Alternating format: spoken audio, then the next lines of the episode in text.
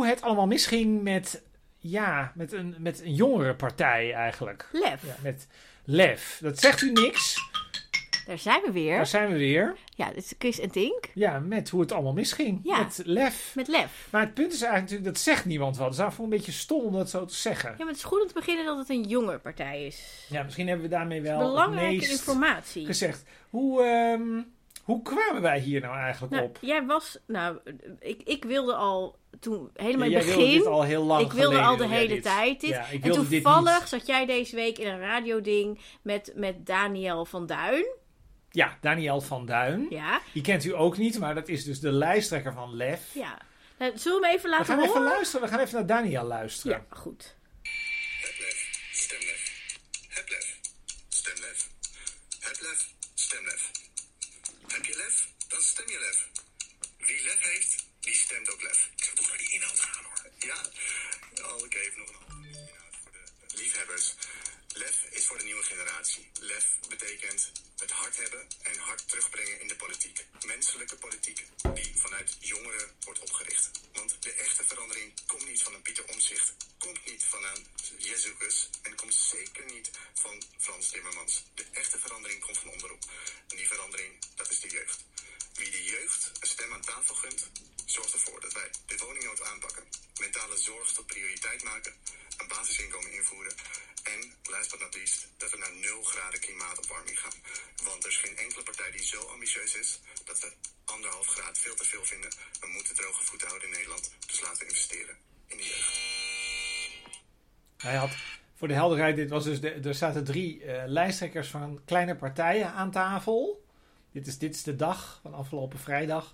Ehm, en zij kregen allemaal een minuut om te vertellen waar zij voor stonden. En dit was zijn minuut. Ja, dit was zijn minuut. En ik vond dus- eigenlijk dat hij dat heel goed deed. Best wel Maar knap. ik heb echt totaal geen beeld van waar hij nou voor staat.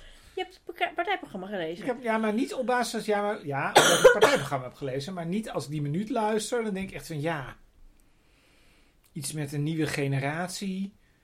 Nou, Wat ik, wil hij dan? ik wil... Ja. Nou, ehm, ik zit te denken, ik kan het samenvatten. Ik kan ook... Nou, vat jij dat eens even kort voor de mensen samen, dat de mensen weten waar het nou eigenlijk in godsnaam over mijn gaat. persoonlijke interpretatie Jouw persoonlijke interpretatie is... is dat dit een, een jonge partij is. Die eh, wil dat eh, jongeren ook een stem hebben eh, in het politieke debat. Oh, Wat mij op zich heel logisch lijkt, want dit zijn de mensen met de meeste toekomst. Dus alles wat vandaag gebeurt heeft de meeste impact op deze groep mensen. oh. Ehm, en wat ik. eh, nou, dat moet ik misschien later doen. Ik, ik ga eventjes een, een paar zinnen van de, in, de inleiding van het verkiezingsprogramma lezen. Goed? Ja, dat Ja. mag. Ons programma is zo vanzelfsprekend dat we denken: waarom heeft niemand dit eerder bedacht? Omdat jongeren nog nooit aan de macht zijn geweest. Laat je dus verrassen en spreek je uit voor een nieuwe wereld. Lef bevrijdt de mensen uit de stress. Via een basisinkomen in plaats van stufie kun je iedere maand rondkomen. Met gratis toegankelijke zorg, zonder eigen risico, zonder winstoogmerk en zonder wachtlijsten kun je altijd lachend door het leven. En met gratis openbaar vervoer kun je niet alleen naar je werk, maar ook naar je dierbaren zonder te stressen over de kosten van een treinkaartje.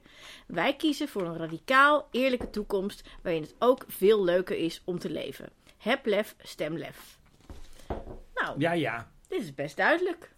Toch? De basis. Nou, daar gaan we het straks over hebben. Ja, Maar eigenlijk wat natuurlijk zo interessant is, is waarom zou je dat nou eigenlijk überhaupt doen, zo'n partij oprichten? Waarom, waarom doet iemand dat? nou en wat misschien eh, waar we, het, waar we het volgens mij eerst over moeten hebben. Ja. Hier hebben wij het al over gehad aan de telefoon. Want we hebben nu negen partijprogramma's besproken. Klopt dit? Ja, we hebben negen partijen. Dus dit is het besproken. tiende.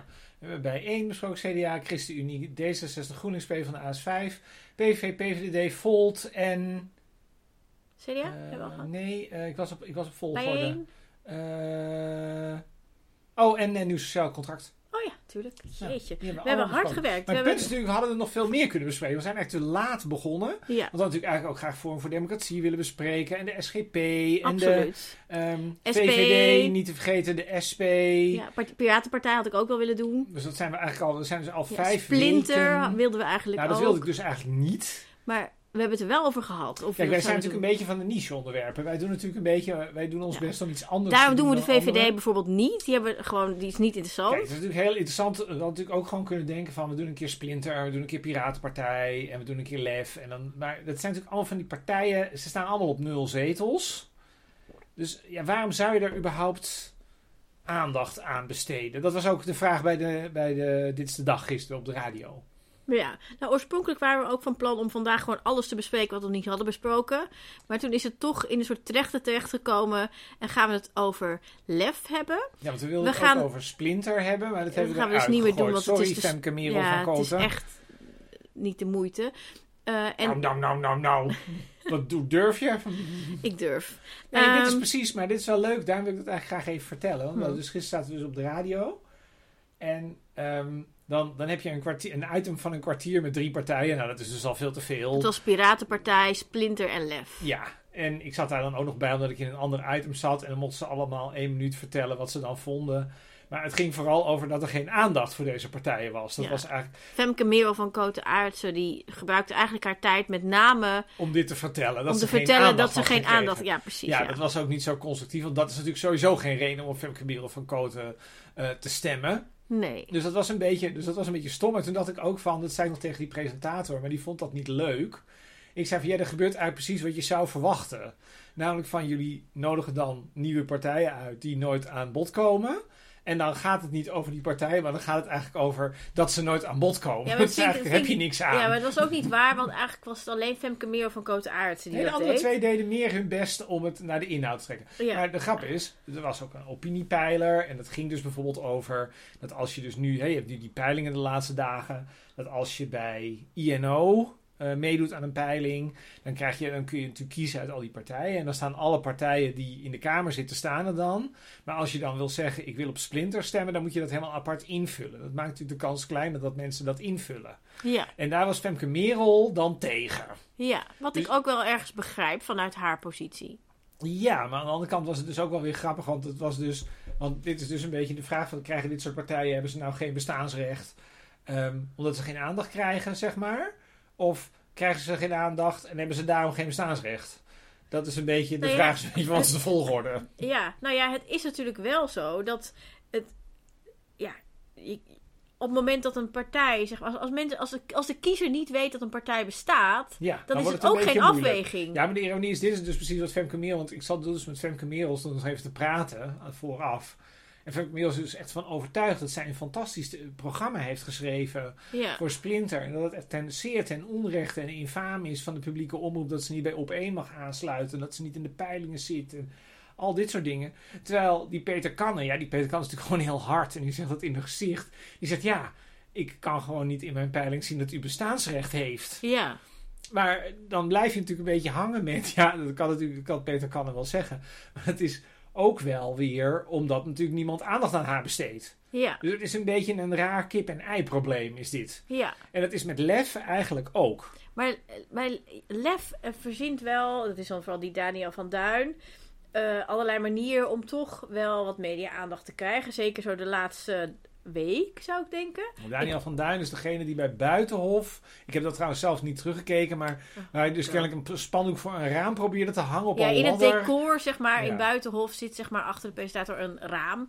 En daar is hij achter geklommen via een ladder. En daar heeft hij een poster van Lef opgeplakt. Tijdens de uitzending waarin ehm ehm, Esther, Ouwehand werd eh, geïnterviewd. Precies. konden ja. dat moeilijk negeren, want het maakte ook nog wat lawaai en zo. Precies. Het was heel, eh, heel geestig. ja. En hij is een, een soort, eh, dit is een jongen, dus een soort campaigner zou je kunnen zeggen. Ja, maar ik, ik, ik vind hem super sympathiek. En hij, ik weet dat hij hier lang mee bezig is. Ik heb hem ook een klein beetje geholpen. eh, omdat ik hem super sympathiek vind. Maar, dat, maar jij doet nu net alsof mijn betiteling campaigner een bele- belediging is. Terwijl dat is het niet, het is een beschrijving. Dus ik vind Femke Merel, ik zal er even voor de vergelijking maken. Hm. Femke Merel van Koten is geen goede campaigner. Want Femke Merel van Koten komt op de radio en gaat zitten klagen dat ze niet in een peiling staat. Terwijl zij natuurlijk had moeten vertellen over hoe fantastisch Nederland eruit ziet als straks Splinter aan de macht is. Ja. Terwijl deze jongen, En de die dingen die ze vertelde waren niet uniek. precies, dan vertelt ze alle dingen die niet uniek zijn. En deze jongen, ehm, ja, vind nog wel wat dingen van het programma. Maar die, doet, die, die zit niet te klagen, zeg maar, dat hij geen aandacht krijgt. Die, Nee. gaat, gewoon, die gaat gewoon aanpakken, zeg maar. En die zit daar optimistisch in en eh, heeft een goede babbel. En die kan goed vertellen, en die kan improviseren. Ja, Alles. dat is een beetje het, eh, Ja. dat is een beetje het verschil, zeg Ja. maar. Dus zo komen en dan wij- heb je nog een jongen van de Piratenpartij die daar met zijn blote voeten Ja, zit. dit is ook heel grappig. En die- Dit is dus heel leuk. Ja. ik dit ook graag even vertellen. Ik was Ja. dus bij Asfalt Politiek een paar weken geleden. Dat is het politieke café van Vrij Links. Dat is zo'n clubje mensen die, ja, die eh, anti-woke links, geloof ik, is dat. Ehm, en met die asfaltcomplex. En daar kwam ik deze jongen dus al tegen. Dus het is een, een tegelzetter. Hoe heet hij? Mark van Treuren heet hij. Ik had nog nooit van hem gehoord, want de Piratenpartij bestaat namelijk uit Matthijs Pontier. Die zit in het waterschap, die is altijd overal al lijsttrekker van geweest. En je had vroeger Jelle de Graaf. En mensen kennen Jelle de Graaf omdat dat is die jongen die van Extinction Rebellion is, die zich vastplakte aan de tafel bij Jinek. Oh ja. En de Amsterdammers eh, weten nog dat hij naakt op, op poster stond vier jaar geleden toen de Piratenpartij in de gemeenteraad wilde komen. oh, dat heb ik gemist. Maar die, is dan, Ja. die zijn dan weg. Dus nu heb je Mark.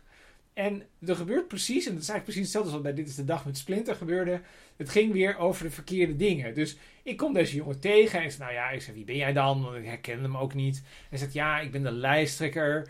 En het eerste wat aan deze jongen opvalt, is dat hij geen schoenen draagt. Ehm, dus heb ik nog zijn, voeten op de foto gezet. Dus zeg, doet dat dan niet zeer op straat? Ja, er liggen toch allerlei dingen. Nee, nee, dat was niet zo. Ik zeg, maar doe je dat dan ook altijd? Ja, ja, ook. Ik zeg, ook bij 6 graden onder nul, ja. Nou ja, en toen begon het politiek café. En toen had eigenlijk deze jongen de, de kans gemist om iets te zeggen over zijn inhoud. Dus het was weer, snap je? En had je, dat je bij mij verteld, dat jij eigenlijk hem wel wilde Ja, ik interviewen heb een keer? nog, ja, dit nog, is nog erger. En hij is ik weggerend. toen, ik wil jou wel interviewen. Ik dacht, nou, ik weet helemaal niet of ik daar tijd voor heb, maar ik vind het dan wel... Ja, wel vind dat leuk? We houden van niches. Ja, precies. voor Ja. de Piratenpartij. Zo vaak zinloze interviews mee gedaan. Laat ik dat nu ook doen. Eh, maar dat geeft... eh, Je had eerst Ancilla, nou, dat ook niet gelukt. Ehm, en deze jongen zegt, ja, dat is goed. En dan is het politiek café afgelopen en dan stuift die jongen weg. Dan denk ik, er is niemand die jou aandacht geeft. Hij is bij Ongehoord Nieuws geloof ik geweest. En dus nu op Radio 1 één keer. ja. Nou, iedere campagnepersoon weet Waar dat hij dan vertelt dat dat komt eh, omdat de Piratenpartij geen geld aanneemt. En dus Ja. geen campagne kan voeren.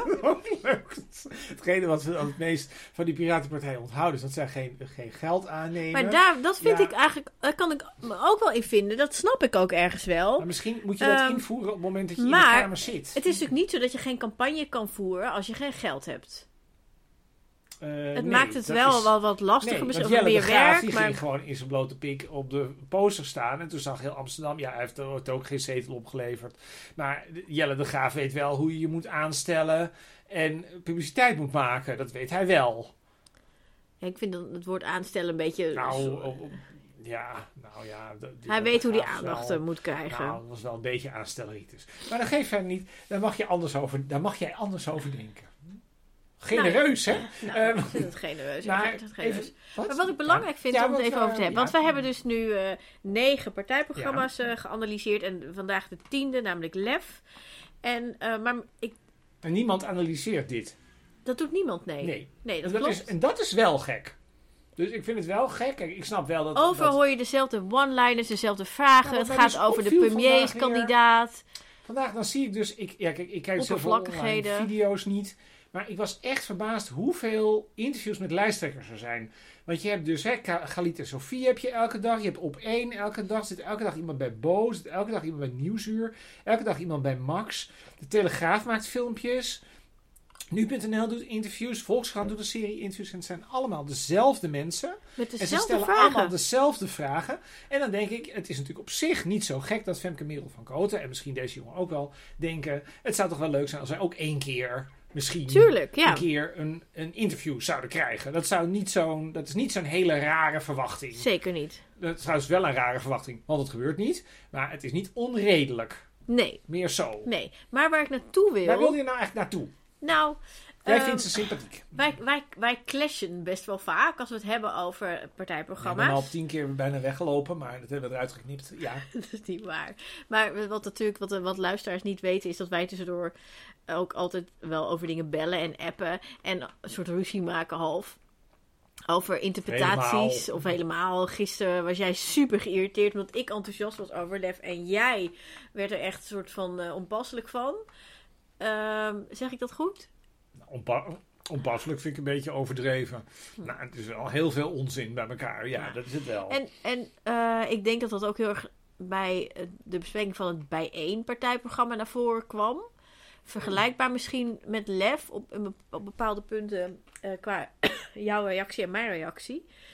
We kijken echt anders naar die programma's, wij allebei. En we, en we oordelen ook op basis van heel andere zaken. Dus misschien, voordat we dan beginnen met de analyse van dit Want we verkiezingsprogramma... kunnen dit programma namelijk, als je namelijk weet wat ons uitgangspunt is, kun je het namelijk heel snel analyseren. En heel kort eigenlijk. Het is heel simpel.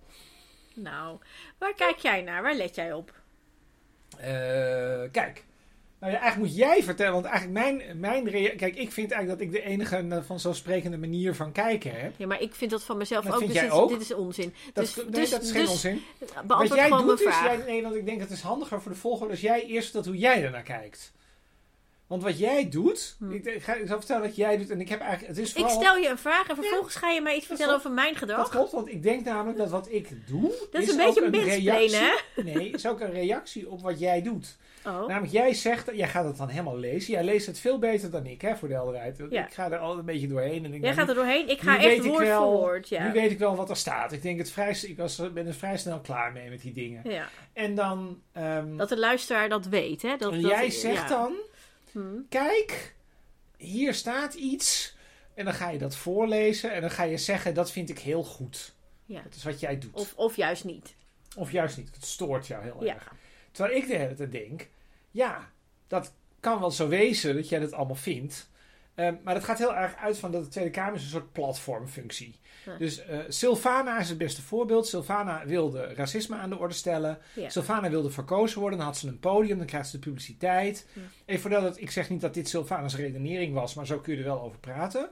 Silvana heeft het podium gekregen. En het had ook zin om op het podium te staan, zeg maar. Snap je?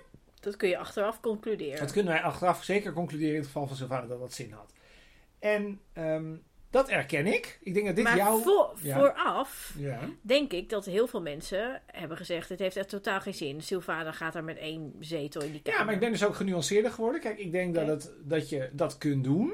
Maar je moet wel weten op welk terrein je dat doet. Ik zal je twee voorbeelden geven. We hebben Silvana aan de ene Je kant. hebt nog steeds de vraag niet beantwoord, Jawel, ik hè? geef wel antwoord. Dit, is, Oké. dit is het lange antwoord. We hebben veel tijd. Ja, maar, Ehm, ja. ehm, je hebt Silvana.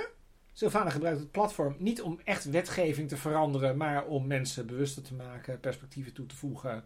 Dat is wat ze gedaan heeft en dat heeft ze effectief gedaan. En nu komt hij. Dan heb je ook, had je 50 plus.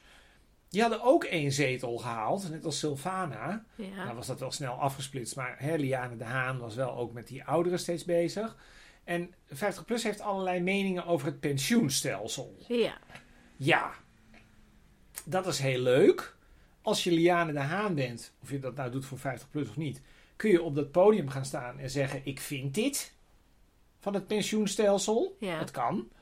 Maar ehm, dat is wel een beetje weinig. Je wil eigenlijk, wil je natuurlijk dat er ook wetgeving verandert. Dus dat er ook regels, dat de wereld echt verandert en dat het niet alleen maar is, we zijn mensen bewust aan het maken van allerlei dingen.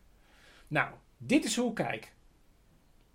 Dit is het antwoord. Dus ik vind het niet voldoende om allerlei ideeën op te schrijven en dan te zeggen, als ik straks gekozen word, ga ik als Sylvana ga ik op dat podium staan en dan ga ik dat vertellen en dan hoop ik dat de mensen mij navolgen. Dat vind je niet voldoende. Dat vind ik niet voldoende. Dat maar de impact is enorm geweest. ja, maar dat is precies waarom ik zeg: er is een verschil tussen 50 plus en Sylvana. Ja. Bij Sylvana was de impact enorm. 50 plus doet niet fundamenteel iets anders, maar 50 plus heeft de impact nul. En dat is omdat als jij het pensioenstelsel wil veranderen, dan heb je het over hele ingewikkelde financiële regels. En dat wordt eigenlijk in Nederland, dat kun je op vloeken of niet, maar dat wordt in het kabinet bepaald. Dus dan sta je aan de zijlijn met je verhaal over de pensioenen. En als jij een partijprogramma leest, of het nou van LEF is, of van GroenLinks PvdA, of van Volt. Waar let je dan op? Ik vind. Eh, dus twee Of dingen. doorbladerd moet ik, vind, zeggen. Nee, nee, ik Ja. lees meer dan ik doorblader. Oké. Eén, eh, ik vind dus dat het. eh, dat het, dat het Nee, moet kunnen. op? Nee, dat het moet kunnen wat er staat. Dat het haalbaar is. Dat het, ha- nou, dat het op, nou, je mag ook een visioen zeggen. Maar je mag niet alleen een visioen hebben. Als je alleen een visioen hebt, is het een beetje weinig. Kun je een voorbeeld geven? Ehm, nou, ik denk dat bijvoorbeeld eh, de SP... Ja, we hebben de SP niet besproken, maar ik bedoel bijvoorbeeld de SP heeft wel een idee van waar het uiteindelijk met de wereld naartoe moet. Hm. Dus we moeten het kapitalisme afbreken en dat soort dingen.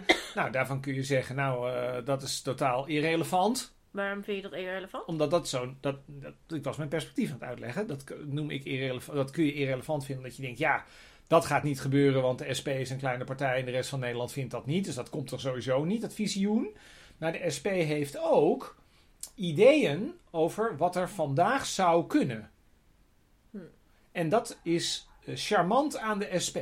Dus dat het en-en is. Dus dat en, en- een en- vergezicht Ja, dus en vandaag. Sterker nog, het is een beetje erg, want je hebt namelijk ook, je hebt ook andersom. Je hebt ook de VVD. Hm. De VVD, die wil alleen maar dingen die... De, nou, D66 vind ik eigenlijk een beter voorbeeld. Die willen allemaal alleen maar dingen die kunnen. En dan denk je, ja, wat verandert er nou eigenlijk als je D66 stemt? Dan verandert er helemaal niks. Omdat ze alleen maar dingen willen die kunnen. Ja, omdat ze allemaal dingen willen die sowieso al in de lijn der verwachting lagen. Waar, waar, waar, waar wil D66, waar wil D66 nou in de wereld naartoe? Nou, ja, naar allerlei dingen die we eigenlijk... dus het eigenlijk gaat sowieso over balans. komen. Zeg, zeg je dat goed? Ja, die balans moet erin zitten. En dan komen we natuurlijk op het echte pijnpunt. En daarvoor, dat, is, dat hebben we bijna niet besproken. Want het is namelijk te, eh, te ingewikkeld. eh, vooral voor ons als voorbereiding.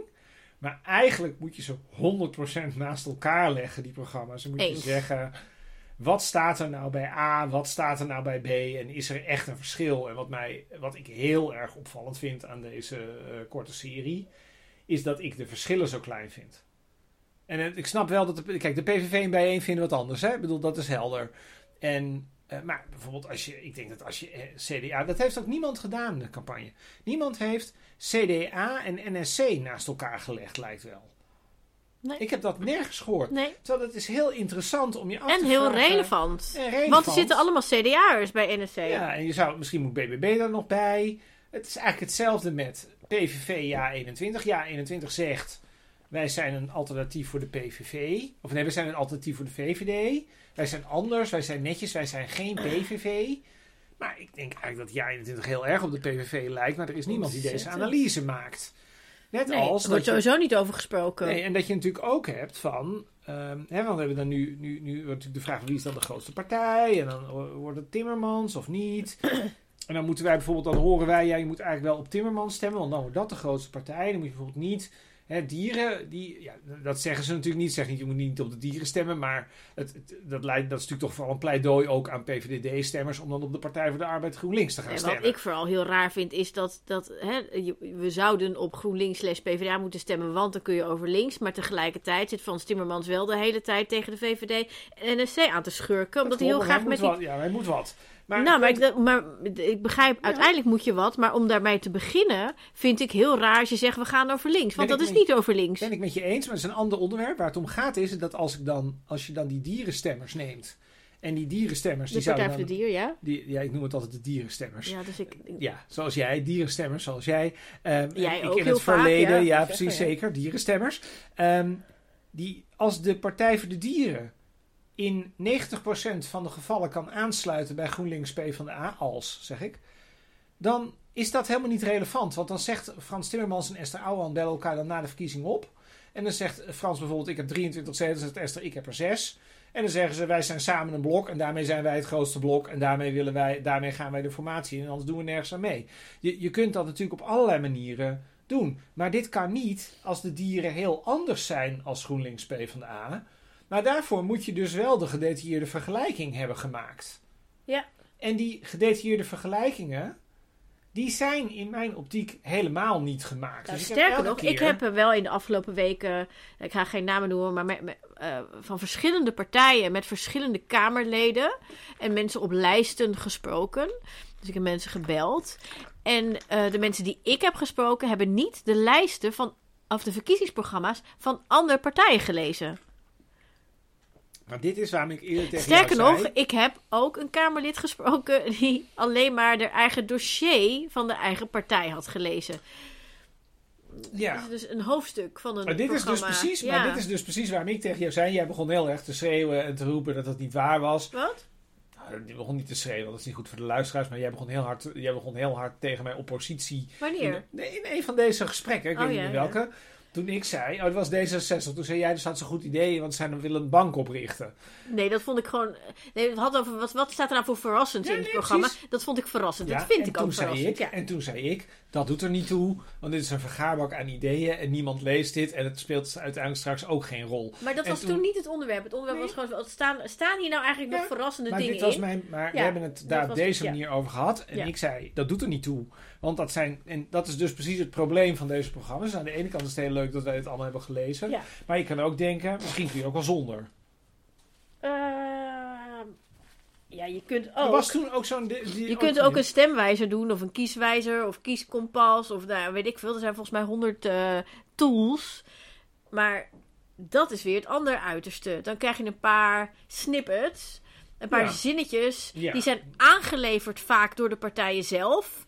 Dus de partijen leveren dan een zinnetje aan waarvan ze denken... nou, als, als de kiezer dit voorkrijgt in, in een stemwijzer... dan eh, eh, kruisen ze ons aan. En dan heb je Ja. meer kans dat wij bovenaan komen. Dat proberen ze allemaal. Dus dat heeft natuurlijk...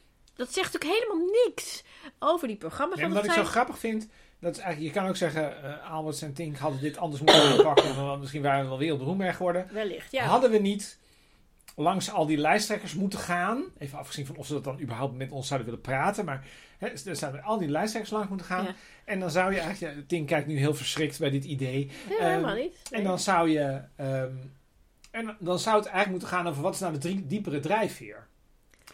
En daar gaan in mijn optiek zowel die programma's... Die, dat kun je in die programma's wel lezen. Ik heb ook niet de indruk dat die, dat die partijleiders daar behoefte aan hebben om daar iets over Nee, te zeggen. daarom zei ik, ik denk ook helemaal niet dat ze daaraan mee gaan doen als je dat zou vragen. Maar ik zou dat wel, dat, daar heb ik nou behoefte aan. Dus Ik heb eh, deze Ja. week Tim Hofman zitten kijken. Die eh, heeft eh, een aantal partijleiders geïnterviewd. Dus ik heb, ook al. ik heb gekeken dat hij Pieter Omtzigt en eh Dylan Jezielkus... En bij allebei heeft hij met zijn boze redactie geprobeerd om een afspraak in te plannen. Niet gelukt. Dus bij allebei heeft hij gewoon opgezocht van nou waar zijn ze. Ja. En hem gewoon opwachten. En bij allebei 10 minuten gekregen. Ja, en dan, dan heb je dus niks. Ja, maar ik vind En dan ook... doet Tim het nog echt heel goed. En de ik vind- redactie gaat alles narekenen Ja, en weet ik vind veel wat. Maar Ik ben eigenlijk een beetje... Ik merk, dat komt ook door dit programma wat wij nu maken. Ik merk eigenlijk dat ik steeds meer bezwaar heb tegen deze manier van eh, maken, zeg maar. Dat, zo, die zo- korte interviewtjes. Ja, die korte interviewtjes. Ja. Ik denk als je nou met... Ja, ik vind Kaag altijd een veel beter voorbeeld. Ik vind Kaag heel... eh, ja, dat doet u niet meer mee, maar die is heel inspirerend. Met Kaag, als je wil begrijpen waar D66 stond... Twee jaar geleden. Ja. Dan moet je een uur met haar op een bank gaan zitten. En dan moet je tegen haar zeggen... Hoe ben je nou hier gekomen? Wilde je hier zijn? En wat is nou de rode draad in jouw leven? Waarom ben je hier? ja, En ik denk dat die vrouw dan een heel interessant verhaal vertelt. dan had En je een, ja. En dat Frans je- Timmermans doet dat niet. Die kan dat denk ik nou, niet dat eens. weet ik niet, maar ik zou, ik zou die vraag wel... Ik denk dat het bij het Frans een heel ander gesprek wordt. Ja. Maar ik zou dat gesprek wel met Frans willen hebben. Ik zou wel Ja. met Frans... Goh, Frans, je bent negen jaar in Europa geweest. Wat is dat voor wereld? Wat, wat, snap je? Wij kunnen natuurlijk onze mening gaan geven. Wij kunnen natuurlijk Mhm. zeggen van... Ja, die Frans, dat is een volgevreten euro, eurocraat. En die kwam helemaal niet met burgers in aanraking. En die was dan ver weg. En dan van dat soort meningen. Je kunt ook zeggen, vindt Europa heel goed. Wat deed hier goede dingen voor het klimaat? Maar gewoon van, wat is nou, wat is nou, wat is nou vanuit zijn perspectief... Ehm, nou ja, waar we naartoe moeten, wat heeft dat te maken met hem? Heeft dat iets te maken met dat hij in Europa was? Of is dat eigenlijk ook maar een soort toevalligheidje in zijn leven geweest, dat hij daar dan zat? Ehm, hoe kijkt hij dan vanuit zijn eigen verleden? Iemand die, die 25 jaar, hoe lang zit hij in de politiek? ja, Dat- zoiets. GroenLinks, dat, hij is iemand, dat zijn wij ook. Wij weten nog, eh, wij waren wel heel klein, maar wij weten nog dat GroenLinks aan het fuseren was, bij wijze van spreken. Dat er een tijd was dat GroenLinks, wij hebben nog net niet ja, precies. bewust ja. meegekregen dat er een tijd was dat dat Ja. niet bestond. Ja, we hebben natuurlijk al een keer een aflevering over gemaakt. En ook daar geschiedenis zijn- ja. En daar zijn, dat waren toch best wel, nou, ik wil niet zeggen rare clubs, maar als je daar vanaf vandaag, vanuit vandaag naar kijkt, dan denk je toch van nou de CPN, hè, Eh, het, is toch, eh, het, het was toch wel wat. Dat zit dan nu in deze grote, wat Frans dan Verenigd Links noemt. Hoe kijkt hij daar dan naar? ik zou dat, dat vind ik dus interessant. Mijn vraag aan Pieter Omzicht zou zijn: ehm, geef mij nou eens. Je bent twintig jaar lang bij het CDA geweest. Vanuit welke waarden deed je dat dan? En zijn die waarden dan veranderd nu je ergens anders zit? En allemaal van dit hele soort hele algemene vragen. Dat is een beetje wetenschappelijk interviewen.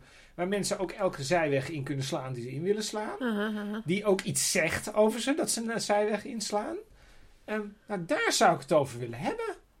En dat gebeurt niet. En daarom zijn die politici volgens mij ook heel Maar heeft dat misschien onvoorspelbaar. Zijn Heeft ze. dat misschien ook te maken met dat de, het grote gros van de parlementair journalisten in Nederland zit er al de lang. hele carrière. Ja, Zit en eh, misschien een klein beetje rolerend op dossier, maar wel in Den Haag of eventueel Zeker. eventjes een uitstapje in Brussel. Zeker. Maar wat er dan gebeurt, want er zijn borrels en weet ik veel. Mensen worden vrienden van elkaar. Mensen kennen Zeker. elkaar door en door. En ik, ik merk het al. Ik ben geen journalist. Ik ben kunstenaar.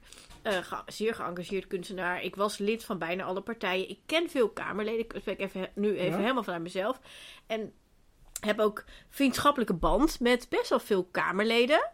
En ook met oud-Kamerleden. En bijvoorbeeld Pieter Omtzigt ben ik een aantal keer thuis geweest. Ehm ken zijn vrouw ook. En eh, ik, ik mag hem graag. Maar ik merk aan mezelf dat dat al maakt dat ik het ingewikkeld vind om heel kritisch te zijn. Om En dat, zeggen dat het programma kut is. maar ik wil dat wel. Want ik, ik, wil gewoon, ik wil daar gewoon naar kunnen kijken en daarvan vinden wat ik ervan vind. Maar ik heb dan ook, zeg maar, ergens een soort gevoel van: oh, maar ik wil deze man sparen. Nou, dit is want Dit is- ik mag hem graag, bladibladibla. Nou, en dat heb ik niet alleen bij Pieter Omtzigt, maar dat heb ik bij meerdere je? Kamerleden. En, en dat is nog op. Ik bedoel, ik ben denk ik drie keer bij hem thuis geweest. Dus het is niet super vaak, misschien vier keer. Maar. De dus- meeste dus- mensen niet. Ja. de meeste mensen niet. En, ik, en een paar keer koffie gedronken. Maar ehm,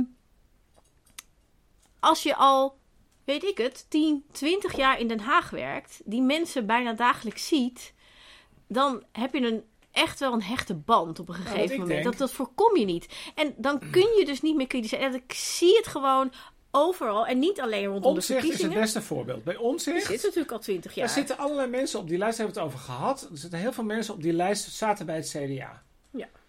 Dat is heel raar. Het is heel raar. Ik vind het beste voorbeeld, toen haal er eentje uit, anders duurt te lang. Maar eh, je hebt Eddy van Hiem. Die is elf jaar Kamerlid van het CDA geweest. Daarna acht jaar gedeputeerde tot afgelopen maart voor het CDA in Overijssel. Je kunt niet met droge ogen beweren dat deze man eh, niet bij het CDA paste. Dat kun je niet, Nee. dat kun je niet beweren. Nee, nee. Dus dan is de vraag wat daar anders aan is. En even cut the crap en ophouden met al dat eh, slappe gelul, zeg maar. Hè, om het maar eens even onaardig te zeggen. Niet van, eh, ik vind Pieter zo goed en het CDA is veranderd. Waarin is het CDA dan veranderd? Vertel het eens. En dit is precies het soort ondervraging die we eigenlijk helemaal niet zien. nee. Want als meneer Wilders, nou, Wilders is ook zo'n Wilders heeft ook al veel is- vrienden. Ja, natuurlijk. Ja. Wilders is nu tegenwoordig, eh, wat is het? Dat Nou, bullshit. Ik, nee, nou, nee, maar nu, ja, maar nu zijn we weer in het voorbeeld Ja. terechtgekomen. Wij geven onze mening. Maar en dan zou ik zeggen, nee. En we hebben gewoon het partijprogramma gelezen. Nee, dat is en, ja. wel prima. Geen vlieg afhangen. Maar het punt is, is dat je, ehm, je, je zou met Wilders op de bank moeten gaan zitten. En niet van jij, maar gewoon iemand. En moeten zeggen, nou, we horen steeds dat u zo gematigd bent. Ja. Vertel eens. ja, Vertel nou eens wat van. Dan mag hij dat zelf en dan mag wij daar vervolgens weer wat van vinden. Maar vertel nou eens wat er nou precies gematigder is. Hij Ja. dan, is dat dan hoe hij dat dan zelf ziet? Of zijn dat, is dat alleen maar strategie? Ik bedoel, dat kan nog. Dat wordt voor mij wordt het hartstikke interessant om te horen of Geert Wilders vindt dat de moskeeën in Nederland allemaal open mogen blijven. Eh, Heel interessant is of dat, of dat uit Geert Wilders' mond komt. ik moet denken aan dat interview met, ehm, hoe heet ze ook alweer? Ehm, God, oh, even brain eh, dead. Ehm, Ja, blonde presentatrice. Lucille. Nee. Die Geert Wilders ging interviewen, dan ging het eigenlijk alleen maar over zijn kat. Oh, eh, Jinek. Ja, Eva Jinek. En, ik dacht, en Ja. dat is al inmiddels een paar jaar geleden. Maar dan eindelijk wil Geert Wilders ergens aanschuiven. En dan gaat het over zijn kat. Ja, maar mensen denken natuurlijk heel snel dat het te moeilijk is en te ingewikkeld. En nou kom, en dan wil ik het bruggetje maken naar Lef. De ironie is, die Daniel van Duin heet die. Ja. Die kennen ze in Den Haag niet. Dus ze zijn ook niet Dus ze geïnteresseerd. zijn daar op, daarom al op voorhand daar niet in geïnteresseerd. Maar dat was ook zo met Caroline van der Plas. Voordat Klopt. zij de Kamer inkwam. Dat en toen had ze er zetel en iedereen dook En erop. opeens dook iedereen erop. Ja, En ehm, dat zal met Daniel ook zijn. ja, Als hij is- in de Kamer, zeker, zeker. dan, dan wordt hij de nieuwe Caroline. nou ja, dan, dan, gaat da- dan gaat in ieder geval... Hij komt niet gaat- op een tractor, maar hij gaat ook iets Nee, doen. hij gaat dan ook iets doen. Ja. En dan gaat iedereen erachter aanlopen. En hoe dat dan verder afloopt, dat zullen we dan wel zien. Maar dat is precies... En nu kunnen iedereen denken... Ja, eh, Daniel, wie? Eh, we weten niet precies wie dat is. Ehm, en het is ook heel makkelijk. Dat, dat vertelde Femke Merel gisteren eh, van Koten. Zij- Die, die gaat dus iedereen... Dat is ook een beetje sneu. Maar die gaat dan iedereen afbellen of ze mag komen. Of ze, of ze uitgenodigd Wat ik ook wel begrijp. Ja, wat ook begrijpelijk is. En dan zeggen al die mensen tegen haar... eh, ja, we vinden het heel interessant, maar... En dan komt er een of andere smoes. Ja, Ehm, en dan denk ik, ja... ehm, dat is eigenlijk bij hem... Bij die, bij, Femke Merel is dan nog Kamerlid geweest. Dus, ja dus, dus die heeft al die mensen in de telefoon staan. Ja, terwijl die Daniel van Duin, die kan niet bellen. En, Nou, als, Daniel, ja. en als Femke Merel al een telefoonnummer met Daniel deelt... Dan, en Daniel belt op... Dan zeggen al die lui... eh, wie ben jij nou eigenlijk? En dat kun je natuurlijk ook heel makkelijk zeggen. Want je kent hem niet. Er is geen publiek Nee. wat vraagt om een Je hebt interview geen met band met hem, dus je kan ook gewoon lullig tegen hem doen. Ja, je kan ook gewoon... en je denkt, ja, hij weet het toch niet, dus er hoort nooit meer wat van. Dus ik, ik hoef ook niet een band op te bouwen. Want zin- dat is het ook, hè. Ja. Dat het niet alleen is, je hebt een band, maar ook een zittend Kamerlid of een, een, een partijleider. eh, die, daar ga je niet iets heel kuts over zeggen of schrijven, want je wil de volgende scoop. Je wil het volgende interview. Je wil toegang blijven houden, want dat is ook gewoon je brood. Nou, eh, ja. Ja. Nee, laat ik zo zeggen. Je kon natuurlijk niet... Dit, ik vind dit niet altijd waar, hoe je het zegt. Maar wat natuurlijk niet kan... Is, je, dat zie je ook in die campagne. Het was natuurlijk in die campagne niet de bedoeling om tegen Pieter Omtzigt te zeggen dat het gewoon één grote hypocriete bende is. Dat hij met zijn eigen club is gekomen. En dat hij niet heeft gezegd: ik stop ermee en stem gewoon allemaal CDA. Want ik heb bij 20 jaar bij het CDA prima, in, eh, prima gehad. Dat, dat, dat is een toon die naar hem toe niet wordt aangeslagen. Net als dat in maart, toen, hè, toen waren we met dat stikstof bezig, Ja. toen was er niemand die zei: Nou, Caroline. Eh, het is gewoon wetgeving, dus ik weet niet precies wat jij in de provincies wil gaan doen met je stikstofbeleid. Maar dat stikstofbeleid moet gewoon aan de landelijke normen, normen, normen voldoen. Heb je nog een idee? Dat, dat is niet een toon die mensen op dat moment tegen Caroline aansloegen. Omdat Caroline inderdaad weer voor de camera moet komen en interviewtjes moet kunnen geven. En, snap je? Dus er zit wel een soort afhankelijkheid in. En dat is het aardige aan dit soort partijen, eh, die nieuwe, zeg maar. Ehm, ja, omdat het er niet toe doet, zeg maar, ehm, is hun houding ook van wij zullen er wel voor zorgen dat het er ook niet toe gaat doen. Precies, en, ja. en dan is Caroline. dat is toch arrogantie? dat klopt. En, en Caroline is daarin de uitzondering, denk ik. Omdat, kijk, ik wist dat Caroline heel populair was. Ik had niet gedacht dat ze een zetel zou krijgen, maar ik wist wel dat ze een zetel Maar jij bent een van de weinigen die het echt al een, een, een half jaar of Een zoiets half jaar voor... een keer bij haar thuis Ja. geweest zelfs. Dus ik bedoel, bij Caroline had je al door van... eh, dat, daar, kan iets. Wel iets. Daar kan wel iets gebeuren. En dat was helemaal buiten... Dat was eigenlijk helemaal met een hele grote U-bocht. Ik denk dat dat bij Daniel van Duin van Lef ook aan de hand Nou, is. dat zou kunnen. Kijk, Daniel zegt... Corrigeer me als ik het verkeerd zeg, want ik sprak hem aan het eind nog even. Ja. En hij zegt natuurlijk, kijk, dat is ook zoiets. Parlementaire journalisten zijn bezig met Den Haag. En niet met gemeenten, provincies, andere bestuursniveaus. En wat je hebt in Nederland is... ehm, je hebt bijvoorbeeld jongere partijen op lokaal niveau. Dat, dat zegt mensen helemaal niks als je dat zegt. Hmm. De bekendste hiervan die heet STIP. Dat zijn de stichting, dat, eh, wat is het? Studententechniek in Politiek. Dat is in Delft. Dat is in Delft een van de grootste partijen, of zo niet de grootste partij. En die hebben geloof ik zes zetels en een wethouder en zo. En die besturen gewoon Delft mee. Er natuurlijk enorm veel techniekstudenten in Delft. En je hebt in, eh, in Utrecht heb je zo'n club. En in Groningen heb je zo'n club. En in Wageningen. En zo, zo heb je er wel meer. En hij zei, die Daniel van Lef, ja. zegt, ik weet niet of ik nu precies de goede selectie maak, overigens, dat wil ik wel even bijzeggen. Maar dat een, in ieder geval een aantal van die clubs bij hem is aangehaakt. Dus dat het eigenlijk een soort geheel is. En dat, dat, dus, dat hij dus wel degelijk een achterban heeft die wij niet kunnen zien. Daar kan ik me best iets bij voorstellen. Ja, ik, ik ken hem niet zo goed. Hij heeft mij benaderd. ehm, Drieënhalf jaar geleden ongeveer. Mhm. Interessant. Op de dag dat ik Gijs van Dijk heb ontmoet, heb ik ook Daniel van Duin ontmoet. Nou, dat was een, eh, echt een... ja, een dag waarop je zou de- kunnen denken... Nou, ja, Ja, maar goed. wij laten dit oordeel aan de luisteraar wat dit zegt. Ja, ehm, eh, er zat er echt geen uur tussen. Daniel van Duin ging jou, reage- ging jou Ja. eh, eh, mailen of bellen. Nee, ehm, eh, ik deed mee aan een soort repair café, zo- zoiets. Eh, Dus, waar kunstenaars in de Tolhuistuin in Amsterdam. ehm, daar kon je dan een object brengen en dat kon je dan laten repareren. En hij kwam daar aan met een enorme schatkist. En dat was dan de schatkist. En ehm, dat moest anders. Oh, stond symbool voor de schatkist. Dus een grote houten kist. En ehm, ik ehm, heb een, eh, een soort eh, hanger voor hem laten maken. Voor aan een ketting. Een zilver of een gouden, ik weet niet meer. Met, wat stond er nou toch op? Eh, het ehm, autonoom bureau voor koerswijziging. ja. Ehm, daar was ik mee bezig. En dat heb ik hem, ik heb een soort eerlid gemaakt. Ja. En hem een aantal, eh, gekoppeld aan een aantal mensen uit mijn netwerk, waarvan ik dacht, die kunnen jou helpen. Dat is wat ik voor hem heb gedaan toen. Ja. En, maar hij was al bezig met de voorbereidingen van LEF. Eh, dus dat is 3,5 jaar geleden. Dus dat is best wel lang. Dus dat is langer dan Pieter Omzicht in zijn voorbereidingen. Ja, is ook, langer dan de partij van Femke Merel van Koten. die Ja, vorige ja, ja, ja, ja. Dus, dus, dus, nou, dus, Ja. dus- en hij- ik ga ervan uit dat hij er al toen al een tijdje mee bezig was. Ik weet niet hoe lang, maar dus dat was toen.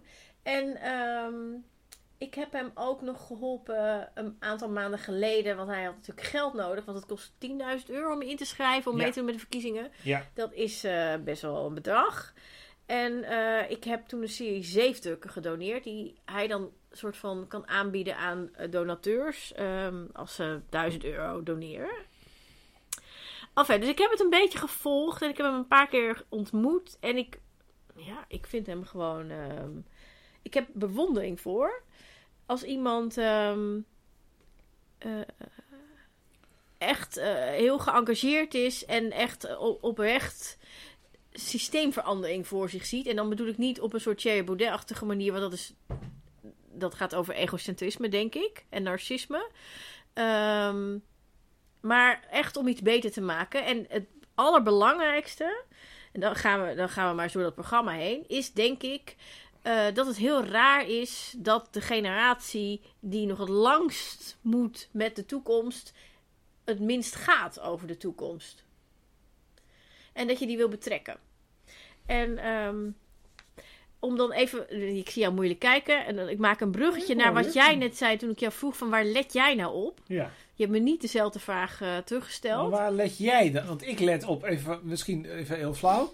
Eh, mijn criterium is dus, is dit anders? Ik lees heel veel bijeenachtige dingen. Ehm, ik lees heel veel linkse dingen. In die zin vind ik het inhoudelijk, ben ik, al, ben ik al meteen kritisch als ik dit document aan het lezen ben. En als ik dan denk van, zou dat dan kunnen? Dan zie ik heel veel dingen waarvan ik denk, dat krijg je vanuit... e- Zelfs als deze jongen drie zetels haalt. Ja. ehm, is, de, is hij daar niet mee, is hij niet aan zet straks. Ja. Dus zelfs, en zelfs als hij, dan geef ik hem heel veel credits, zelfs als hij een ontzettend goed Kamerlid zou blijken te zijn, mhm. eh, gaat die dingen niet bereiken. Want er gaan bijvoorbeeld heel veel dingen over, nou, over eh, basisinkomen staat erin, eh gratis openbaar vervoer. Het zijn allemaal zulke grote operaties. Dat kan eigenlijk alleen maar vanuit, ja, toch gewoon een machtspositie. En dan zijn we weer bij die vier oude grote, of nou, oude vier partijen Er zijn terug. inmiddels best wel veel eh, partijen die eh, een vorm van een basisinkomen voor zich zien. Nee, maar wat je dan een beetje, wat ik eigenlijk bedoel is, Hm. wat je dan krijgt bijvoorbeeld bij- dat basisinkomen, moet je even denken van hoe werkt dat dan in de Kamer uit? Dan kun je zeggen, nou, ik wil een basisinkomen. Zo'n zo'n zo'n Kamerlid kan dan bijvoorbeeld wel een onderzoek vragen daarnaar. Ja, Zoiets krijg je dan. En dat wordt dan heel breed uitgemeten dat er dan een onderzoek komt. Maar het gaat natuurlijk niet meer over onderzoeken. Het gaat natuurlijk over dat het, Nou, kan dat ook moties en amendementen indienen en kan zeg maar Ja, maar samenwerking zoeken Ja, maar dit bij is andere niet- partijen. Ja, dat kan en wel. op, op, een- op een basisinkomen zijn er nou juist best wel veel partijen. Ik, Volt wil volgens mij een basisinkomen. Bijeen wil een basisinkomen. Partij voor de Dier wil een basisinkomen. Volgens mij wil GroenLinks PvdA eh, experimenteren met een basisinkomen. Zo uit mijn hoofd. Dat is al heel vergaand experimenteren. Ja, Maar, ik, nou, ja. we hebben het partijprogramma van de SP niet behandeld. Maar ik vermoed dat de SP daar ook voor in is. Het is geen meerderheid. Dat is geen meerderheid. Maar het ding is dat soms ehm, dingen gewoon heel veel tijd nodig hebben. Zo Want ik er herinner me een Jesse Klaver tijdens bijeenkomst van zijn. ehm, God, hij had dat boek geschreven. Tegen het economisme. Ja, en eh, dat klopt. En hij maakte echt, hij ging toeren en hij was echt overal, ging die lezingen geven en, en besprekingen houden met, met leden. En ik ben bij twee bijeenkomsten geweest en bij twee bijeenkomsten werd hem gevraagd naar zijn idee over het basisinkomen. En bij twee bijeenkomsten zei hij, ik heb me hier niet in verdiept, maar mijn onderbuik vertelt me dat het een slecht idee is. En nu is hij er wel voor. Ja, maar dat zei Dus, maar... dus wat ik wil zeggen is dat, dat, dat met de tijd, op het moment dat dingen vaker worden geagendeerd, dat, dat mensen er anders over kunnen ja, gaan de denken. ironie En is dat daar je illustreert, je illustreert wat ik zeg. Namelijk wat je dan zegt is, dit is een club die het podium wil. Dat podium kunnen ze dan gebruiken om te roepen, er moet een basisinkomen komen. Misschien dat we dan allemaal heel erg beïnvloed worden. Denk ik et wel. cetera. Ja. Maar als je haast hebt, of je wil echt iets nu veranderen, dan heeft het meer zin dat GroenLinks PvdA bij de formatie kan zeggen: wij willen daadwerkelijk serieuze experimenten. Dan een jongen die eigenlijk ja, op de, op, achter, de, achter het spreekstoel in de Tweede Kamer niet veel meer kan zeggen dan: wat zou het goed zijn als er een basisinkomen zou iets. zijn? Nou, kom eens op. Dat is even los van dat er al heel veel experimenten zijn gedaan. Ho, ho, maar, daarom, maar dat is het grote probleem van dit gedoe. Even los van. Ja, Ehm, is dat het, het niet alleen agenderen is of het een keer zeggen. Het, nou, laat ik het vergelijken met ehm, eh, de Zwarte Pieten discussie. Dat is, dat is een. Hè, dat is, dat is, eh, je kijkt moeilijk. Maar ja, maar dat is vandaag. zo'n Sylvana-onderwerp Nee, waarbij nee, dat ook nee, heel nee, erg zo werkt. Nee, want het is niet Sylvana die dit op de kaart heeft gezet. Eh, dat was Jay Afie en Quincy Cario. Nou, en dat was voor, voor eh, bijeen. Zeker. De, eh, tien jaar geleden of zo, denk ik. Nou, misschien wel meer inmiddels, Elf jaar maar geleden? ja, zoiets, ja. Eh, en eh, natuurlijk al decennia daarvoor. Hè, vol- in mijn herinnering, zeg maar, Gerda Havertong in Sesamstraat begon hier al over. Ja. Maar hè, het, het feit is dat het heel lang zo was dat er af en toe een enkeling was, altijd mensen van kleur, die zeiden van hé, hey, ik voel me niet echt heel erg prettig bij het hele Zwarte Pieterspel van jullie. Eh, kan dat misschien anders? En dan gingen heel eh, wit, maar ook niet wit Nederland eh daartegen in. En wat een belachelijke geste. Maar ga eens verder, wat, En- is je punt daarmee? Op een gegeven moment is er die, demonstra of die demonstratie geweest. eh, Zwarte Piet is racisme van Jay Afie en Quincy Cario 10, 11 jaar geleden. En zij zijn toen vrij hardhandig aangepakt. Ehm, en mensen waren daar zo eh, gechoqueerd van. Hè, sommige mensen, jij niet, denk Ja, ik. Maar, wat, nou, ik zit te zoeken naar, het, naar, de, naar de link. dat er, als je kijkt dat er al decennia eh, vanuit verschillende hoeken toch eh, kritiek op was, maar dat het niet is opgepakt. En dat je heel lang had kunnen zeggen: van, Nou, dit is echt, dit gaat gewoon niet gebeuren. En dan is er ineens een omslagpunt. Ja, maar het punt, weet je, dat- En het, wat ik wil zeggen is dat een partij zoals LEF of een partij zoals Bijeen voor dit soort omslagpunten kan zorgen. En jij hebt het over de korte termijn, dat je een Nee, grote ik heb het partij. over iets anders. Ik heb het Mag, erover. mag ik even af, afmaken? Eh, jij hebt het over een grote partij is nodig om dingen daadwerkelijk in gang te eh, daadwerkelijk te veranderen, daadwerkelijk. eh, het gaat natuurlijk niet om dat dingen altijd per se vandaag moeten. Soms het hebben dingen een, een lange Het punt aanloop nodig. is, is dat daarom, je maakt een heel lang of lange aanloop van Zwarte Piet.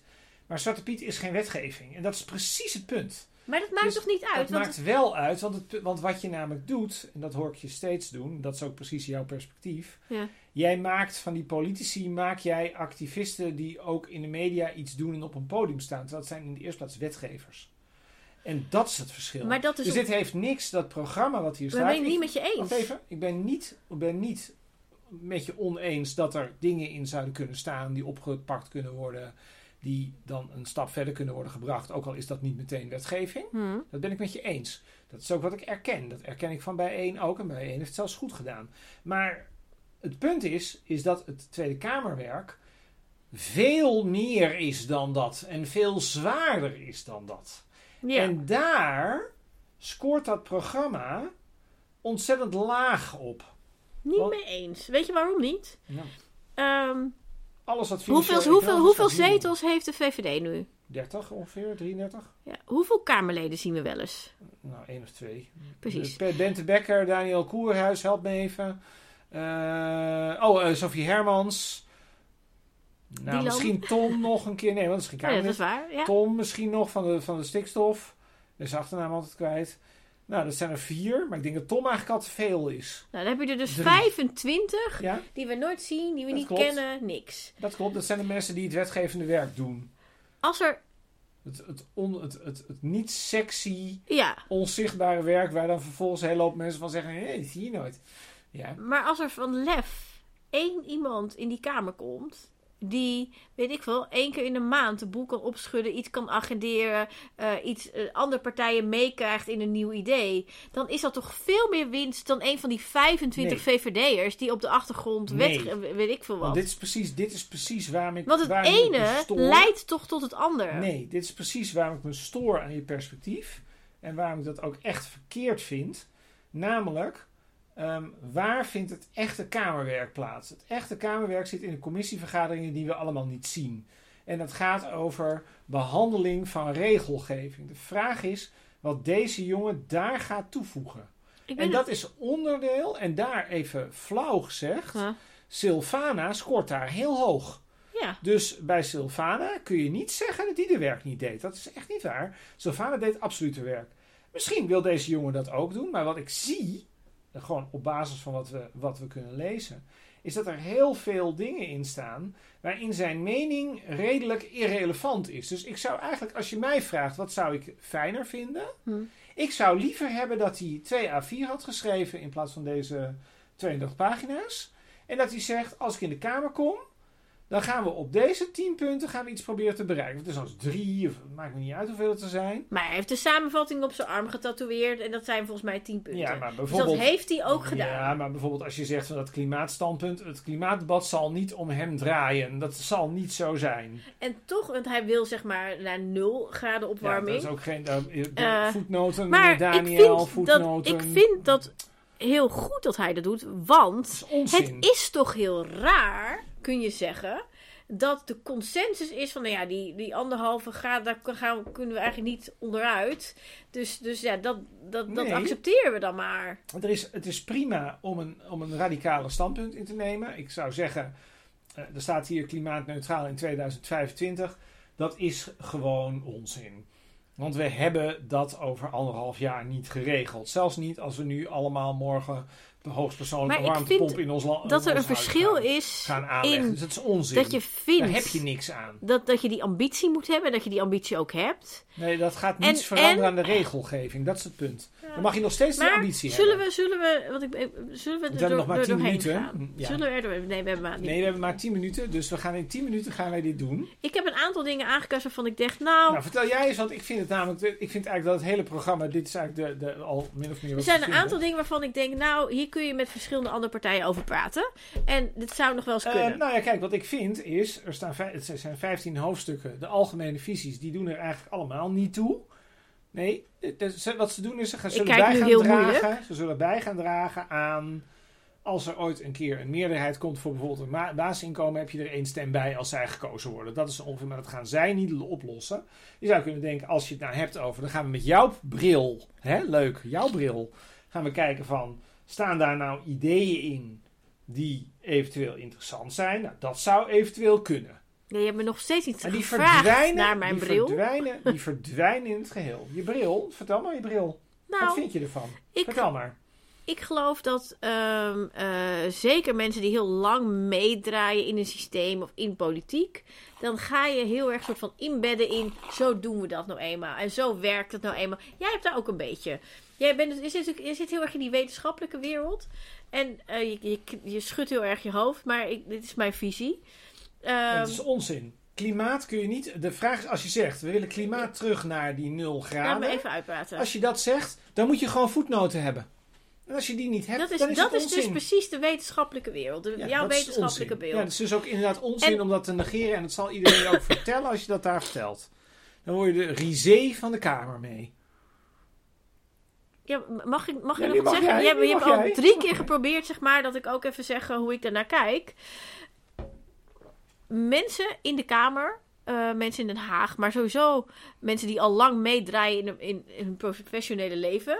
Dan ga je een soort van leren, nou dit werkt wel en dit werkt niet. Nou, als wat niet werkt, ga ik niet eens meer proberen. Waardoor je eigenlijk heel veel dingen gaat uitsluiten. Terwijl we op dit moment in een wereld leven waarin heel veel dingen die we altijd al zo hebben gedaan, niet goed gaan.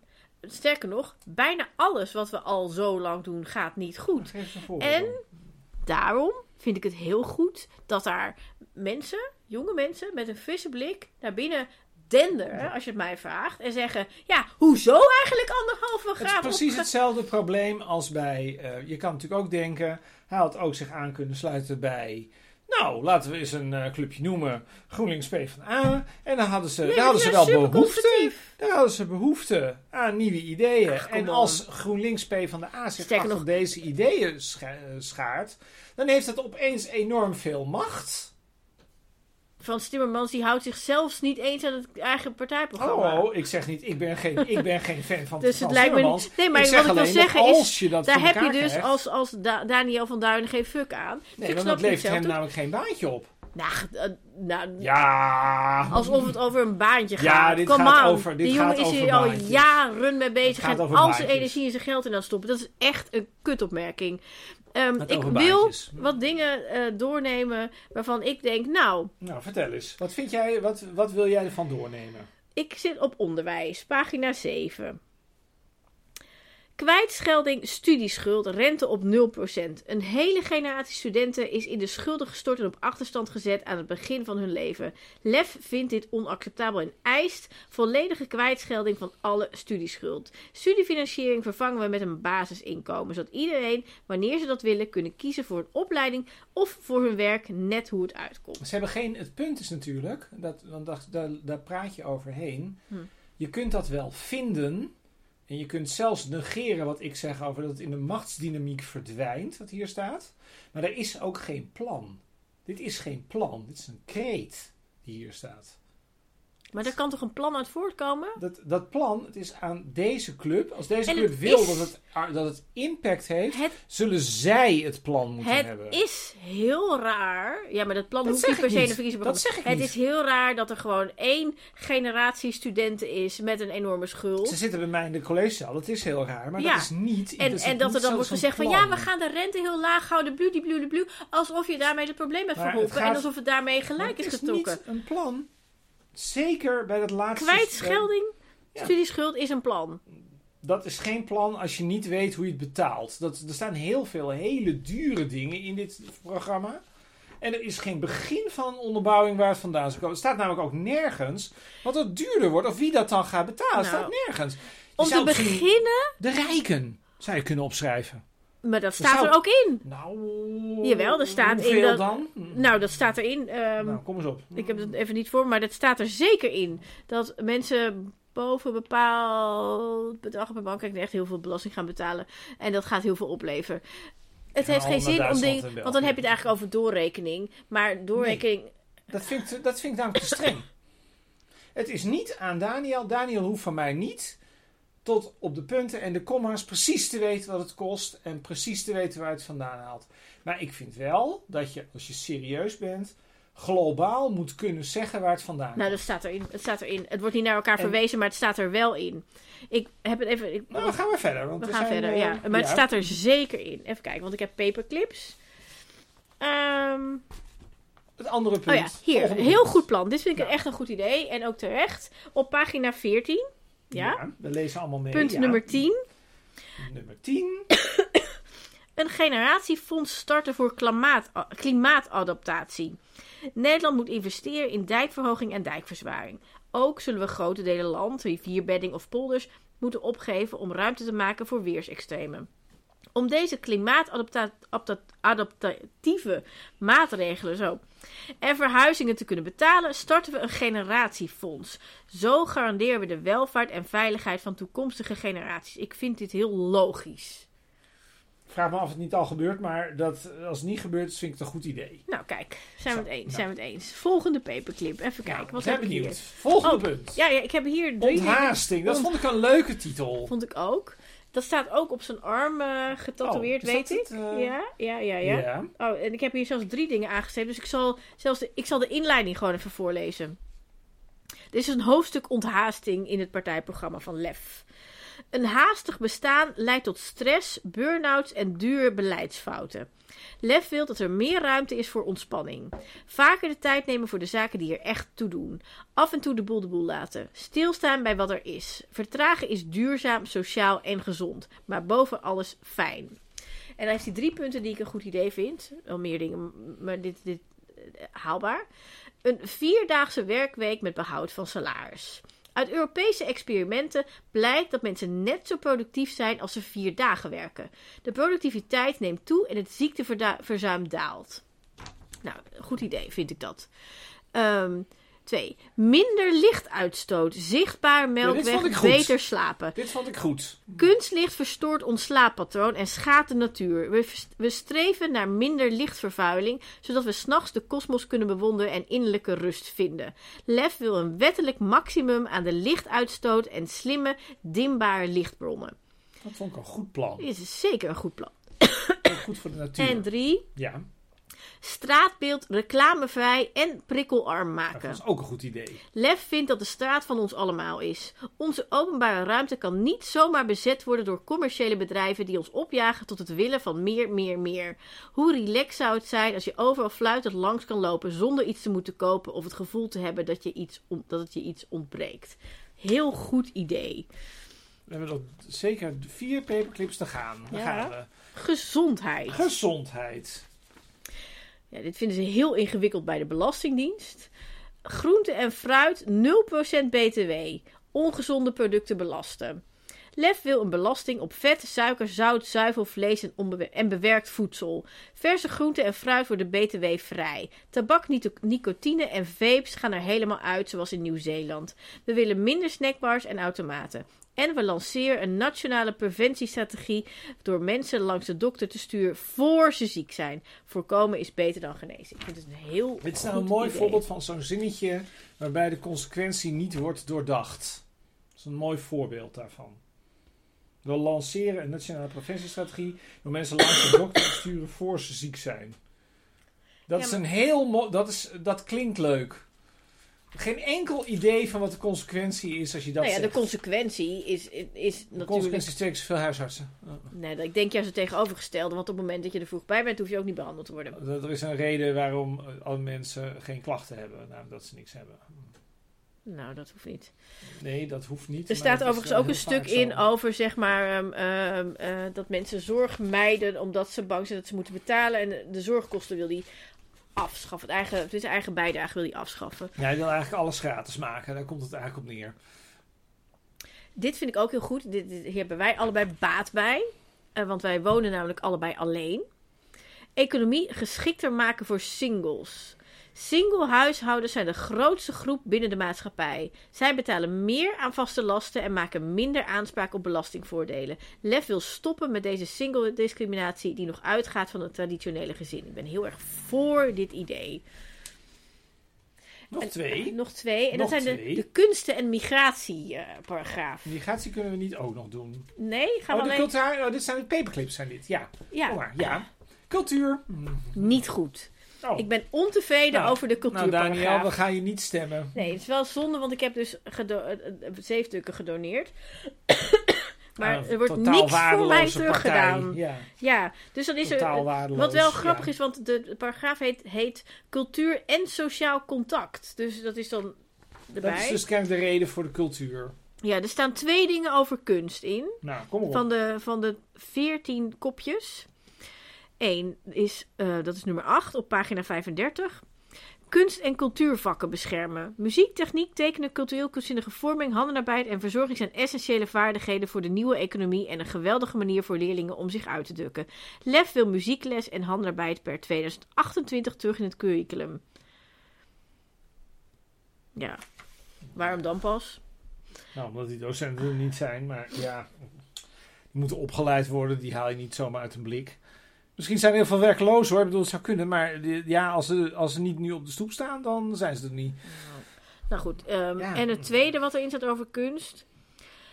En dat vind ik een heel. Nou ja, goed. Ehm, gelijke spreiding van subsidies Ja, over goed. regio's. Het is echt een heel slecht idee. Ja, je moet gewoon Ehm, vaker naar Oldenzaal. Veel cultuursubsidies gaan naar instellingen in de Randstad, waardoor creatieve makers in de rest van Nederland ook naar deze steden trekken. LEF wil een verdeelsleutel waarmee andere delen van het land niet langer worden achtergesteld en cultuur overal bereikbaar is. Nou, Daniel, de reden waarom mensen elkaar opzoeken in de grote steden om daar cultuur te maken, is dat heel veel producties worden en group gemaakt. Daar heb je meer mensen voor nodig en het is heel duur, dus je hebt een groot publiek nodig Ah, de en een groot huis nodig. De Dus het is juist heel belangrijk dat die bij elkaar zitten. En ik ben het er wel mee eens dat er voor iedereen een en ander beschikbaar moet zijn. Maar je kunt niet alles evenredig verdelen als de Jawel, mensen dansgezelschappen, evenredig verspreid over het land wonen. Je hebt je concertgebouw, Publiek nodig. naar Rode School. Ja, het is, dit is ja, de cultuurding, het is, dat is wel Gaat echt. Van Gogh verhuizen naar Sittard. Dat, is- daar, dat is niet goed over En. Madame Tussaud gaan we naar, gaat naar Vieren. Ja. Migratie. Tot slot, migratie. Nou, ehm, Nou, dat was nog heel erg op jouw lijn. ja, het is behoorlijk op mijn lijn, maar wel een beetje slecht geïnformeerd. Maar goed, ik ben uh, Dat coulant. was, mijn, dat was mijn algemene kritiek al de hele tijd. dat het vrij slecht geïnformeerd was. Ja. Het gros van de migranten, 80, 88%, komt naar Nederland vanwege een baan, de liefde of studie. Er is genoeg ruimte voor iedereen. Voor de 11 à 12% asielzoekers zorgen we voor een menswaardige opvang en de mogelijkheden om snel mee te draaien in de samenleving. Nou, dus eigenlijk, dit is de inleiding, maar dit is ook een hele goede eh, samenvatting. Ehm, daar ben ik natuurlijk gewoon mee eens. Zo, Zo, nou, dus wat is nou het eindoordeel over lef? Dat is dan eigenlijk nu de vraag. ik eh, denk dat eh, zeker als jij, eh, weet ik het, onder de 30 bent. Ja. En sociaal en links bent en je studieschuld, zeg maar, wil graag zien verdwijnen. En denkt, ja, weet je, al die oude lullen, ik wil dat het anders moet. Dan stem je op lef. En als je ouder bent dan 30, dan kun je het nog steeds overwegen. Ik, de, ik, heb, ja, ik heb het aan mijn moeder voorgelegd. Die vond het een goed idee. Mijn moeder is ouder dan 30. Ik heb het aan Oh. mijn neefje van 19 voorgelegd. Die vond het een Is jouw moeder ouder dan 30? mijn moeder is ouder dan 30. Mijn neefje van 19 die gaat volgens mij gewoon lef stemmen. En dat vind ik hartstikke leuk. En eh, dus, dus ehm, ja, ik ben heel voor. Wil jij wil op de Ik wil altijd graag nu op de xylofoon, maar maar ik kan dat namelijk helemaal niet. Nee, dus dat maar. klinkt dan Nou, niet. hop. We gaan nu aardige dingen zeggen. Ik dacht, ik ga iets aardigs zeggen over Mark van Treuren. Je moet even aan mensen uitleggen wie dat is. Wel leuk. Dat weet jij nog wie het is? Is dat die de, de partij, Piratenpartij, Dat is de Toch met de van de voeten, Piratenpartij. Wat ik toch heel leuk vind dat de Piratenpartij 10.000 euro betaalt voor de, voor de... Nou ja, gewoon om... eh, ja, om mee te doen aan verkiezingen terwijl het gewoon totaal zinloos is. Dus ik vind het wel mooie maatschappelijke betrokkenheid. Dat zij toch blijven proberen. Het zijn nog steeds het liquid feedback system? Het, het, wat- het liquid feedback system. Nou, ik denk het niet. Weet je wat zou, het is? Ja, dan, dan zou het liquid feedback system waarschijnlijk laten zou dan tegen zij zeggen en zeggen: Je moet Doe wel... niet meer mee. Stop hiermee. Oh, of je Hou moet op. wel donaties accepteren. Het Liquid Feedback System, lieve mensen, is een systeem van de Piratenpartij dat ze eigenlijk geen standpunten hebben, maar dat voor elk mogelijk standpunt er door leden gestemd mag worden over wat het standpunt dan is. Precies. Ja. Dus aardige woorden voor Mark van Treuren. Van harte dat je wordt gekozen. Oké. Zo. Nou, goed. Het wordt ook leuk iemand met blote voeten in de Tweede Kamer. Alleen daarom al. Ja. Wie ga jij, eh, over wie ga jij iets aardigs zeggen? ja, ik moet het misschien introduceren of inleiden. Namelijk, eh, deze week was ik bij een cultuurdebat. Oh, wat leuk. Na- in aanloop naar de verkiezingen. En ehm, daar ehm, heb ik me laten horen. Jij was er ook. Ja, dat En- was heel saai. en- en, was het, ehm, ja. Ik zei daar, op basis van alle programma's die we hebben gelezen, dat er eigenlijk maar twee eh, partijen zijn met echt een, een visie op kunst- en cultuurbeleid. En dat is D66 en de Partij voor de Dieren. En dat de rest allemaal kut was. En toen werd ik daarna aangesproken door iemand van de PvdA. Het was een meneer met een kaal hoofd. Arne Visser. Nee, dat is iemand Dat anders. was iemand anders ook. Arne Visser. Arne Visser is muzikant. En die zei: Dit klopt niet. Ehm, je hebt het namelijk over het conceptprogramma. En dat was inderdaad kut. Maar wij hebben met een groep mensen allemaal eh, ehm, amendementen ingediend, zeg maar. Dus, dus een, eh, een- toevoegingen. Eh, namelijk 26 stuks, waarvan er 21 zijn aangenomen. Da daarom En is het nu goed. Nu is het veel beter. En ik was nog een beetje sceptisch. eh, want ik dacht, ja, ja, ja. Want er zat gewoon geen visie in het programma. Ehm, ik heb het nu gelezen. We gaan het er straks een nagesprek over hebben. Het is inderdaad heel erg verbeterd. Dus als je hier geïnteresseerd in bent, dan luister naar het nagesprek op petjeaf.com slash hoe het allemaal misging. Maar, we gaan iets aardigs, of ik ga iets Ja. aardigs zeggen. Ik ging lezen van wie hebben dan deze amendementen ingediend. Het is niet die Arne Visser, die heeft wel meegeschreven, maar die moest ergens anders zijn. Die moest er fysiek aanwezig zijn. Ik zag daar Henk Hofstra staan. En ik denk dat, dat bijna niemand weet wie Henk Hofstra is. Maar Henk Hofstra is een superheld. Henk Hofstra, ik hoop dat je dit hoort.